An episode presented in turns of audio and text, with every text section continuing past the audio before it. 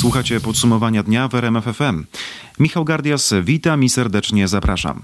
Dziś przede wszystkim zajmiemy się miażdżącym raportem Najwyższej Izby Kontroli w sprawie wyborów korespondencyjnych, ale będzie też inny raport o pandemii w naszym kraju. Powiemy też o ważnej dacie. To już 40 lat od zamachu na Jana Pawła II. Posłuchajcie, co wydarzyło się 13 maja. Zaczynamy od tematu dnia. Najwyższa Izba Kontroli przedstawiła bardzo krytyczny raport dotyczący ubiegłorocznych kopertowych wyborów prezydenckich. Jak wiemy, nigdy do nich nie doszło, ale ich organizacja pochłonęła ponad 76 milionów złotych.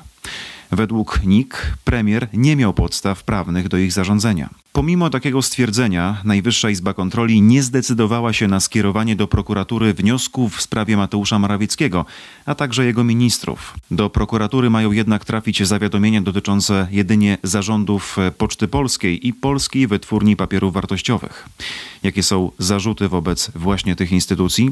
Wyjaśnia to Krzysztof Zasada. I Poczta Polska i PWPW podjęły konkretne działania, mimo że nie miały do tego uprawnień. Weszły w kompetencje Państwowej Komisji Wyborczej. Co więcej, rozpoczęły druk karg do głosowania, których wzór nie był zatwierdzony. Nie miały też podpisanych umów na te zamówienia, a więc także finansowania. Do tego mm, kontrolerzy NIK stwierdzili, że doszło do złamania ustawy o RODO w związku z żądaniem przez Pocztę Polską danych osobowych wyborców. No ale pozostaje pytanie, co dalej z tą sprawą? No wygląda na to, że ten serial presji Mariana Banasia na rząd ma w scenariuszu rychłą kontynuację. Wprawdzie na pytanie, dlaczego nie ma zawiadomień na najwyższych urzędników państwowych, mimo stwierdzenia, że działali bezprawnie, prezes NIK odpowiedział okrągłymi słowami. Jesteśmy organem niezależnym, bezstronnym i obiektywnym. E, Nasze wnioski e, opierają się na konkretnych ustaleniach i faktach e, i wynikają z tego konkretne decyzje. Jednak zaraz potem ostrzegł, że trwa analiza przesłanych już do Izby Stanowisk Urzędów Państwowych, którym NIK zarzuca nieprawidłowości. W kontekście przygotowania ewentualnych zawiadomień do prokuratury o podejrzeniu popełnienia przestępstwa przez przedstawicieli Ministerstwa Aktywów, Aktywów Państwowych, Ministerstwa Spraw Wewnętrznych i Administracji oraz Kancelarii Prezesa Rady Ministrów. Tak więc kolejne zawiadomienia to chyba sprawa otwarta. Ale już we wrześniu ubiegłego roku prokuratura odmówiła wszczęcia śledztwa w sprawie wyborów kopertowych. Co to oznacza dla nowych zawiadomień, których szef Izby nie wyklucza? Śledczy nie chcą się do tego na razie odnosić. Po pierwsze twierdzą, że muszą się zapoznać z wnioskami o ściganie przesłanymi przez NIK. Po drugie muszą porównać zakresy zawiadomień z zeszłego roku i tych zapowiedzianych. Przypomnę, pierwszy zawiadomienie dotyczące przekroczenia uprawnień i działania na szkodę interesu publicznego przez premiera Morawieckiego i ministra Sasina złożył poseł Michał Jaros z Koalicji Obywatelskiej. Prokuratura w obu przypadkach odmówiła wszczęcia postępowania, argumentując to brakiem znamion czynu zabronionego. To oznacza, że nie widziała przestępstwa w działaniach polityków PiS. Teraz będzie musiała ocenić działania urzędników niższego szczebla. Popełniono przestępstwo. Działania ówczesnej władzy były nielegalne. To komentarz lidera PO Borysa Budki. Ten raport jest druzgocący. On obnaża, że od samego początku idea korespondencyjnych wyborów była tylko po to, by obronić prezydenta Dudę. Łamali prawo, wyrzucali w błoto pieniądze, a dzisiaj tak boją się odpowiedzialności. Tamten mafijny układ, nie bójmy się o tym mówić, jest nakierowany tylko na utrzymanie władzy. I dzisiaj niewymienianie premiera czy niewymienianie ministra Sasina niczego nie zmienia. Decyzja w sprawie tych wyborów była nielegalna. Polecenia wydawane polskim urzędnikom były nielegalne. Wydatkowanie blisko 100 milionów złotych było nielegalne. I za to odpowiada osobiście premier Morawiecki, za to odpowiada pan Dworczyk, za to odpowiada pan Sasin. A to, że szuka się winnych wśród prezesów spółek, to jest tylko pokazanie, jak bardzo obłudni są ludzie władzy. Opozycja na każdym kroku podkreśla, że premier powinien podać się do dymisji. Jak dodają w normalnym kraju, bez politycznej czapy nad prokuraturą, śledczy po tym miażdżącym raporcie NIK-u powinni sami zająć się nielegalnymi działaniami premiera oraz ministrów, którzy brali udział w przygotowaniu wyborów widmo. Strona rządowa zareagowała błyskawicznie. Według rzecznika rządu Piotra Millera zarzuty wobec Poczty Polskiej i Polskiej Wytwórni Papierów Wartościowych są bezpodstawne. Chciałem jednocześnie podkreślić, że wszystkie decyzje o rozpoczęciu technicznych przygotowań do głosowania korespondencyjnego w wyborach prezydenckich były wydane zgodnie z przepisami prawa, co wynika wprost z tych opinii prawnych, które również publikujemy na naszej stronie internetowej. Prezes Rady Ministrów oraz szef kancelarii premiera działali zgodnie z przepisami prawa, stali również na straży wykonania przepisów konstytucyjnych, które mówiły o tym, w jakim terminie powinny odbywać się wybory prezydenckie, zarządzone przez marszałka Sejmu na dzień 10 maja. Celem przyjętych działań w tym czasie było umożliwienie udziału w wyborach tych grup osób, które zgodnie z wtedy, obo, z wtedy obowiązującymi przepisami prawa miały prawo do głosowania korespondencyjnego i były szczególnie zagrożone ze względu na trwającą wtedy pandemię koronawirusa. Rzecznik rządu na wiele pytań unikał jednak odpowiedzi. Między innymi o to, czy decyzja premiera została podjęta mimo negatywnych opinii Prokuratorii Generalnej i Departamentu Prawnego Kancelarii Premiera. Mieliśmy inne pozytywne opinie, tak twierdzi Miller. Nasz dziennikarz pytał, dlaczego Poczta Polska i PWPW działały bez odpowiednich umów. Spółki nie złamały prawa. Odpowiedział nam rzecznik rządu. Warto jednak przypomnieć, w jaki sposób szef NIK-u Marian Banaś zakończył konferencję. Ja mam jeszcze jeden komunikat. Tak się dziwnie składa, że proszę Państwa, dwa dni temu e, dostaliśmy maila, że jest bomba podłożona w naszych budynkach i w ośmiu delegaturach. A dziś z kolei był mail, e, że rzekomo mój syn Jakub ma popełnić samobójstwo. Więc policja pojawiła się w mojej rodzinie w Krakowie i u syna. O komentarz poproszę Was już samych. Dziękuję bardzo. Można więc wysnuć wniosek, że w tej wojnie między szefem Najwyższej Izby Kontroli a rządem możliwe są nawet najbrutalniejsze metody. A raport NIK i jego polityczne efekty były tematem popołudniowej rozmowy w RMFFM.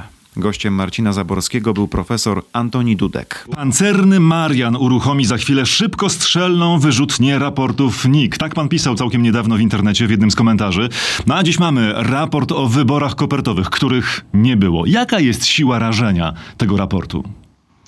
Wie pan, no to oczywiście czasarze moim zdaniem powinna być duża. Natomiast czy będzie, no obawiam się, że nie, dlatego że już widać wyraźnie, że kontrnarracja obozu rządzącego jest taka, że Marian Banaś jest prawnym ignorantem, który w ogóle nic nie rozumie i wszystko jest zgodne z prawem i właściwie pisze raporty y, na temat jakichś zarzutów, które nie mają w ogóle podstaw. No. Obawiam się, że jednak tak nie jest, y, że ym, obóz władzy ma sporo za uszami w sprawie wyborów kopertowych i ta sprawa się będzie jeszcze długo ciągnęła, ale też nie spodziewam się, że ona jakoś dokona jakiegoś przełomu w nastrojach społecznych. To nie jest tego typu kalibru sprawa, bo ona jest zbyt skomplikowana. No tak, ale NIK wysyła do prokuratury zawiadomienia o tym, że mogło dojść do przestępstwa, tylko dotyczą one y, spółki Poczta Polska i Wytwórni Papierów Wartościowych. Nie ma tam natomiast y, doniesień dotyczących polityków z rządu, premiera, wicepremiera czy któregoś y, z ministrów. Dlaczego pana zdaniem?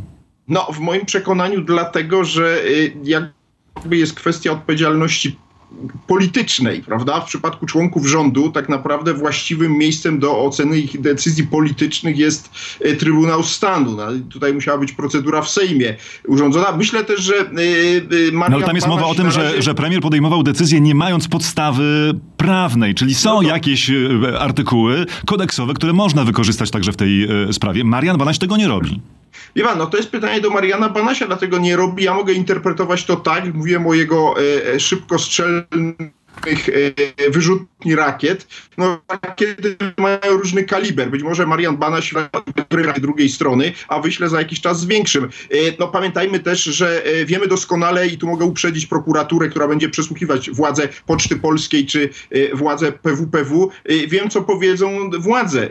Otrzymaliśmy e, e, polecenie z e, Ministerstwa Aktywów Państwowych które z kolei e, otrzymało zadanie e, od e, premiera. I więc tak czy owak tutaj można powiedzieć, że wiemy jak się będą bronili ci, do, na których doniesiono do prokuratury. Pytanie, jak decyzje zachowa się prokuratura? No bo w, tej sytuacji klucz do całej sytuacji ma najwyraźniej Zbigniew Ziobro jako prokurator generalny, który ma oceniać decyzje podejmowane przez polityków, kolegów z rządu.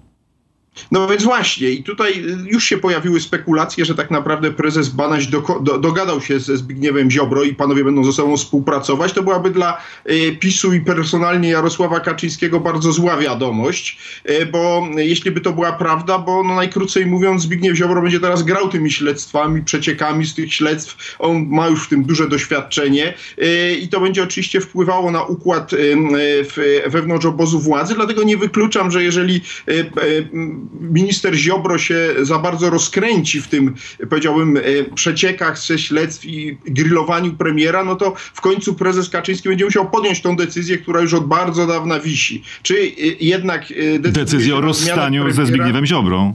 albo z premierem Morawieckim, co byłoby oczywiście wielkim triumfem Zbigniewa Ziobry. Cała rozmowa dostępna jest na naszej stronie w sieci rmf24.pl. Mamy tam mnóstwo najnowszych, rzetelnych informacji. Polecam tam zaglądać regularnie. Poseł Prawa i Sprawiedliwości Bartłomiej Wróblewski nie będzie rzecznikiem praw obywatelskich. W Senacie odbyła się w czwartek debata i głosowanie w tej sprawie. Głosowało 99 senatorów, za 48, przeciw 49, wstrzymały się dwie osoby. Wobec wyników głosowania stwierdzam, że Senat nie wyraził zgody na powołanie pana posła Bartłomieja Wróblewskiego na stanowisko Rzecznika Praw Obywatelskich. Wyjaśnił tuż po głosowaniu marszałek Senatu Tomasz Grocki. Szansa na to, że Wróblewski objąłby urząd, była nikła o czym przypomina nasz dziennikarz Tomasz Skorek. Od dawna wiadomo było, że kandydata PiSu poprą w głosowaniu tylko senatorowie z jego ugrupowania, których jest właśnie 48. I chociaż Bartłomiej Wróblewski zapewniał, że stać go na niezależność, rzecznik nie powinien angażować się politycznie, a tym bardziej stawać po jednej ze stron politycznego sporu. Innymi słowy, solennie deklaruję, że nie będę rzecznikiem ani rządu, ani opozycji, że będę stawał po stronie obywateli. Większość senatorów nie dała jednak tym zapewnieniom wiary. Kandydatowi wytykano przede wszystkim doprowadzenie do wydania przez Trybunał Konstytucyjny wyroku zakazującego aborcji z powodu uszkodzeń płodu, a także wspieranie w głosowaniu ustaw zdaniem opozycji niszczących polski system prawny. Przytoczył pan rotę ślubowania. Tam jest mowa o przestrzeganiu konstytucji. Pan tej konstytucji nie przestrzegał w ciągu ostatnich sześciu lat notorycznie. Ostatecznie kandydatura Wróblewskiego została odrzucona. On sam podziękował Senatowi za dyskusję i życzyłby w kolejnym podejściu udało się wybrać nowego Rzecznika Praw Obywatelskich. Czas na podsumowanie ostatniej doby pod względem pandemii koronawirusa w naszym kraju. 3730 nowych przypadków i nadal wiele ofiar. 342 osoby zmarły z powodu COVID-19. Spada jednak liczba chorych w szpitalach i to regularnie od kilku dni. Z najnowszymi danymi teraz Paweł Balinowski. Dziś hospitalizowanych jest niecałe 13,5 tysiąca pacjentów. To nadal dużo, ale o ponad 850 mniej niż wczoraj. E, ponad 1770 e, najciężej chorych osób nadal jest pod respiratorami. To spadek o 87 w ciągu 24 godzin. Najwięcej zakażeń dziś na Śląsku, Mazowszu oraz w Wielkopolsce. Z tygodnia na tydzień widać spory spadek liczby nowych przypadków. W ubiegły czwartek było ich o prawie 3 tysiące więcej niż dziś. Ostatnia doba to 57 tysięcy przeprowadzonych w polskich laboratoriach testów. Trudno będzie o porozumienie w sprawie certyfikatu covidowego 18 maja, tak powiedział naszej dziennikarce w Brukseli unijny dyplomata. Kraje Unii Europejskiej nie ustępują w kwestii darmowych certyfikatów i restrykcji. Jest natomiast wstępna zgoda co do nazwy. Darek Maciborek rozmawiał z naszą korespondentką Katarzyną Szymańską-Borginią w naszym nowym internetowym radiu rmf24.pl. Padło pytanie, czy termin wakacyjny obowiązywania tych certyfikatów jest zagrożony.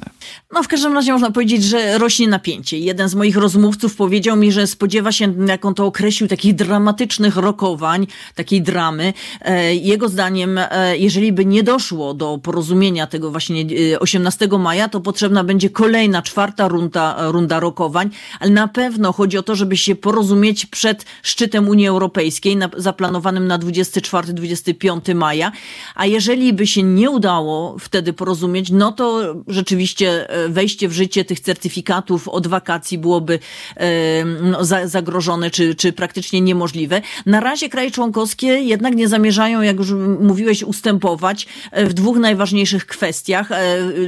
Kraje nie chcą się zgodzić na darmowe testy na COVID-19. To był postulat Parlamentu Europejskiego, bo eurodeputowani wychodzili z założenia, że skoro szczepionki są szczepienia są za darmo, to testy też powinny być za darmo. Nie chcą także się zgodzić na możliwość, na porzucenie jakby możliwości wprowadzania kwarantanny czy innych restrykcji, gdy już te certyfikaty będą obowiązywać, bo uważają, że to należy do, do państw członkowskich. No i jedyne, na co się na razie tak wstępnie zgodzili, ale nic nie jest uzgodnione, dopóki wszystko nie jest uzgodnione, no zgodzili się na to, że, że certyfikaty nie będą się nazywać, nie będą to zielone certyfikaty i to eurodeputowani od początku mówili, że zielone kojarzy się z ekologią, a certyfikaty no nie mają przecież nic wspólnego z ochroną przyrody. No to jest na razie jedyne, co, co ustalono. Niezielony e, certyfikat, e, może zostańmy przy nomenklaturze paszport e, covidowy, to jest QR Certyfikat kod. lepiej. Tak, certyfikat covidowy, czy po-covidowy, QR kod, który otrzymują wszyscy ci, którzy na pewno przebyli chorobę, tak?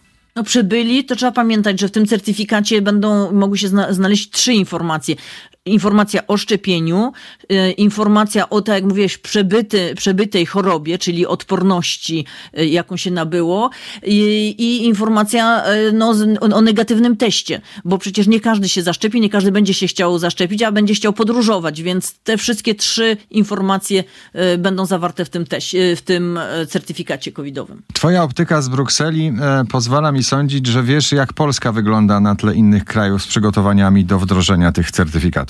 No na razie Polska nie wzięła udziału w pierwszej grupie e, krajów, które prowadzą testy pilo- pilotażowy, a więc sprawdzają, e, jak ten system będzie e, od takiej strony technicznej funkcjonować. To jest głównie sprawdzanie takie, systemu informatycznego, ale weźmie udział w drugiej grupie. Polska ma teoretycznie czas do 15 października. Od 15 października już od strony technicznej wszystko musi hulać, wszystko musi działać, ale wiem jednak, że Polska nie, do tej pory nie skorzystała z pomocy finansowej, którą Komisja Europejska zaoferowała właśnie na działanie tego systemu, na uruchomienie tego systemu, a skorzystały z tej pomocy 24 kraje. Polecam adres rmf24.pl. Tam możecie też włączyć nasze nowe internetowe radio. Jeszcze więcej właśnie takich rozmów, opinii czy komentarzy. Tak jak w naszym haśle, jeszcze więcej informacji. To będą rozmowy ostatniej szansy między pielęgniarkami a ministrem zdrowia. Strony mają się spotkać w poniedziałek o 15. Tak dowiedział się nasz reporter. To efekt przerwanego zebrania Zarządu Głównego Ogólnopolskiego Związku Pielęgniarek i Położnych. Brał w nim udział szef resortu zdrowia Adam Niedzielski, a Michał Dobrołowicz śledził czwartkowe obrady. Czego można się teraz spodziewać? Związek Pielęgniarek postawił ultimatum ministrowi zdrowia. Adam Niedzielski ma teraz czas do poniedziałku do 15 na przedstawienie ostatecznych propozycji, jak powstrzymać odpływ pielęgniarek z polskiego systemu ochrony zdrowia i zachęcić młode osoby do szkolenia się w tym zawodzie. Ogólnopolski Związek Zawodowy Pielęgniarek i Położnych traktuje to spotkanie jako spotkanie ostatniej szansy. Tak powiedziała mi przewodnicząca związku Krystyna Ptok. Następnego dnia, we wtorek, wznowione będą przerwane dzisiaj nadzwyczajne obrady Związku Pielęgniarek. W zależności od tego, co wydarzy się po weekendzie, tam mogą zapaść decyzje o dalszych akcjach protestacyjnych albo nawet strajkach w szpitalach. W RMFFM informacje podajemy najszybciej i przez całą dobę. Za nami trzecia doba poszukiwań dwóch chłopców z Ledna koło Zielonej Góry w Lubuskiem. Niestety nadal bez rezultatu. Służby szukają jakiegokolwiek ich śladu w okolicach wsi, w której byli widziani po raz ostatni, ale główna część poszukiwań skupiła się w czwartek na odcinku Odry między Lednem a Cigacicami. Dziesięciokilometrowy odcinek rzeki między Lednem a Cigacicami penetrowały strażackie i policyjne łodzie. Łącznie trzy z nich e, są wyposażone w sonary, bardzo dokładnie obrazujące to, co znajduje się e, na dnie rzeki. W trakcie tych działań nie natrafiono na żaden ślad 13 i 15-latka. E, O szczegółach strażackiej akcji na wodzie mówił mi rzecznik zielonogórskich strażaków, e, starszy kapitan Arkadiusz Kaniak. W sumie 2,5 tysiąca hektarów y, przeszukane. Mówię tutaj o terenie od miejscowości zaginięcia chłopców aż do miejscowości Cigacice. To jest y, przeszukany teren zarówno na, na powierzchni, jak i pod wodą. Y, 15 kilometrów dna rzeki zostało spenetrowane przez specjalistyczne sonary. Y, Na miejscu są dwie grupy ratownictwa wodnego, grupa z Legnicy, grupa z Zielonej Góry i Nowej Soli. Cały czas działania trwają. Niestety nie natrafiliśmy na żaden ślad. Teraz jest tak zwane przegrupowanie, policja jest na miejscu, będzie cały czas kontynuowała działania. Mamy nadzieję, że niedługo, niedługo no, mam tutaj na myśli w ciągu kilku, kilkunastu godzin akcja się zakończy. Mam nadzieję, że odnajdziemy chłopców. Strażacy zapowiadają, że będą prowadzić swoje działania do skutku. Są gotowi na długotrwałą akcję i jak dodają działań na taką skalę w Lubuskiem, przynajmniej w ciągu ostatnich dwóch dekad nie pamiętają. Relacjonował nasz reporter Mateusz Chłystun. W momencie, gdy słuchacie tego podsumowania dnia, akcja najpewniej już się zakończyła lub dobiega końca. Na rmf24.pl opisujemy całą sprawę tego zaginięcia. Zapadł nieprawomocny wyrok w sprawie śmiertelnego pobicia przed trzema laty znanego muzyka Roberta Brylewskiego. 13 lat więzienia dla Tomasza J. Mężczyzna ma też wpłacić 100 tysięcy złotych na rzecz rodziny artysty. Jak przypomina nasz reporter Grzegorz Kwolek, prokuratura domagała się co najmniej 15 lat więzienia. Co na to sąd? Uznał za okoliczności łagodzące fakt, że J był niekarany, jak przekonywał, zaatakował Brylewskiego, bo sądził, że dzieje się krzywda jego matce, która kiedyś mieszkała w lokalu zajmowanym przez muzyka. Z drugiej strony zupełnie odrzucił wyjaśnienia obrońców twierdzących, że doszło do bójki z udziałem Brylewskiego i Tomasza J. Brylewski został pobity i zrzucony ze schodów w styczniu 2018 roku. Trafił do szpitala, w którym zmarł cztery miesiące później. Podsumowaniu dnia teraz nieoficjalne ustalenia naszego reportera w sprawie napadu na nastolatkę w powiecie gdańskim. Jak wiecie z faktów RMFFM, policja od środy szuka 40-letniego mężczyzny. W akcję zaangażowano m.in. policyjny śmigłowiec. A szczegóły tego ataku na dziecko przypomni Kuba Kaługa. Co z jedenastolatką? Według moich nieoficjalnych informacji na szczęście miała jedynie powierzchowne obrażenia i otarcia i nie wymagała hospitalizacji. Sam opis napadu brzmi jednak przerażająco. Jak nieoficjalnie ustaliłem, napastnik miał zatrzymać jadącą rowerem dziewczynkę na lokalnej drodze w gminie Cedry Wielkie. Miał oferować dziecku sprzedaż jakichś koralików. Gdy dziecko chciało odjechać, mężczyzna miał zarzucić mu sznurek na szyję, przeciągnąć dziecko w zarośla, tam skrępować i zakleić usta taśmą. Z moich informacji wynika, że miał wspomnieć dziewczynce, że chodzi o okup i że nic jej nie zrobi. Stąd właśnie brana jest pod uwagę wersja o uprowadzeniu dla okupu. Jak się dowiedziałem, dziecko miało też przekonać mężczyznę, żeby je rozwiązał. Obiecywało, że nikomu niczego nie powie. Udało mu się ostatecznie oswobodzić i uciec. Policja dość szybko ustaliła, że auto, którym jeździł napastnik, kilka dni temu do mechanika oddała mieszkanka Pomorza. Samochód już znaleziono, poszukiwania mężczyzny trwają. Niewykluczone, że może on być związany także z innym napadem w powiecie malborskim. Taką informację wstępnie przekazywała wczoraj policja. Na naszej stronie w sieci mamy zdjęcia poszukiwanego mężczyzny. Wszyscy, którzy go poznają, proszeni są o pomoc i kontakt z policją. Słuchacie podsumowania dnia 13 maja. To była 40. rocznica zamachu na Jana Pawła II na placu Świętego Piotra w Watykanie. Ksiądz profesor Marcin Wysocki z Katolickiego Uniwersytetu Lubelskiego nie ma wątpliwości, że mieliśmy do czynienia z cudownym ocaleniem papieża Polaka. Cudowne ocalenie? Na pewno tak, bo jeżeli czytamy chociażby wspomnienia e, lekarzy, którzy operowali Jana Pawła II tam w Poliklinice Gemelli, chociażby słynną książkę e, André Frossarda, Nie lękajcie się, który, André Frossard, który zebrał po raz jako pierwszy te wypowiedzi właśnie lekarzy, jeszcze w latach 80. przecież,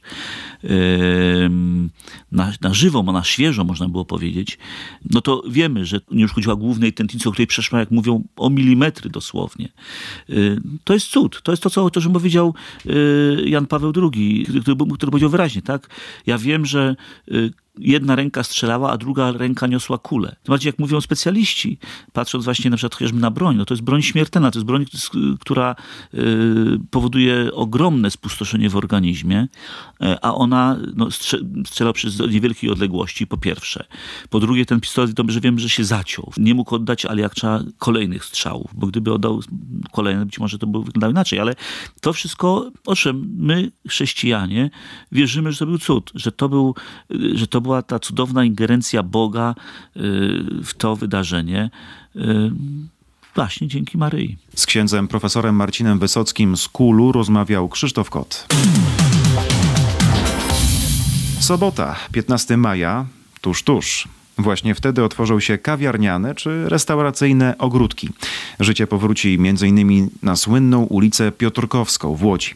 Na deptaku otworzy się ponad setka ogródków. Jak mówią naszej reporterce, przedsiębiorcy już nie mogą się doczekać spotkań na żywo z klientami. To jest w pracy w gastronomii, myślę, najfajniejsze, że można się spotykać z ludźmi, poznawać ludzi. Tego też e, mi bardzo brakowało i wszystkim moim pracownikom. Miejmy na uwadze, że e, personel w gastronomii to zazwyczaj ludzie młodsi, czasami są trochę skrępowani, żeby nakazywać coś szczególnie starszym ludziom od siebie.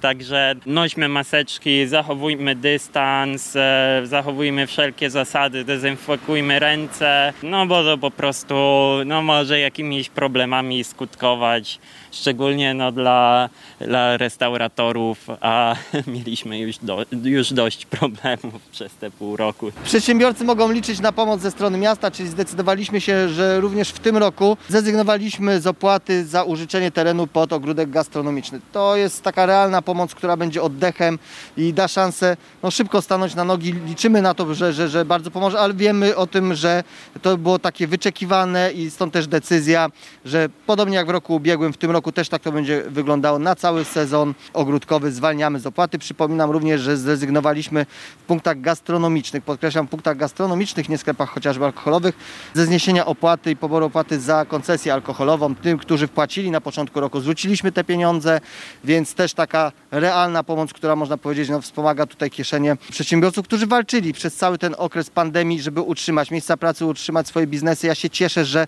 tylu osobom się udało. No niestety nie wszystkim to, to, to, to się udało, ale znakomita większość przetrwała. Wiem też o problemach, z którymi dzisiaj tak naprawdę się spotykałem. Otóż o dziwo, pomimo wielkich chęci i zaangażowania właścicieli restauracji, przedsiębiorców, pojawia się problem z personelem do pracy. Pandemia spowodowała, że mnóstwo osób zdecydowało się na rezygnację z pracy w gastronomii, znajdując sobie inne zajęcie, które w tym czasie było zdecydowanie pewniejsze. No okazało się, że ta pomoc, która gdzieś trafiała do przedsiębiorców, nie pozwalała utrzymać tych wszystkich etatów, tych wszystkich ludzi, żeby na dzień taki jak teraz było można powiedzieć wracajcie i oni wrócą. Mówili Filip Dopierała i Piotr Kurzawa z lokalu gastronomicznego przy Piotrkowskiej. Ja przypomnę, że za dwa tygodnie, 29 maja, będzie można zjeść kolację już zupełnie normalnie w środku restauracji. I w tym podsumowaniu dnia to już wszystko. Na kolejne zapraszam jutro o tej samej porze. Do usłyszenia.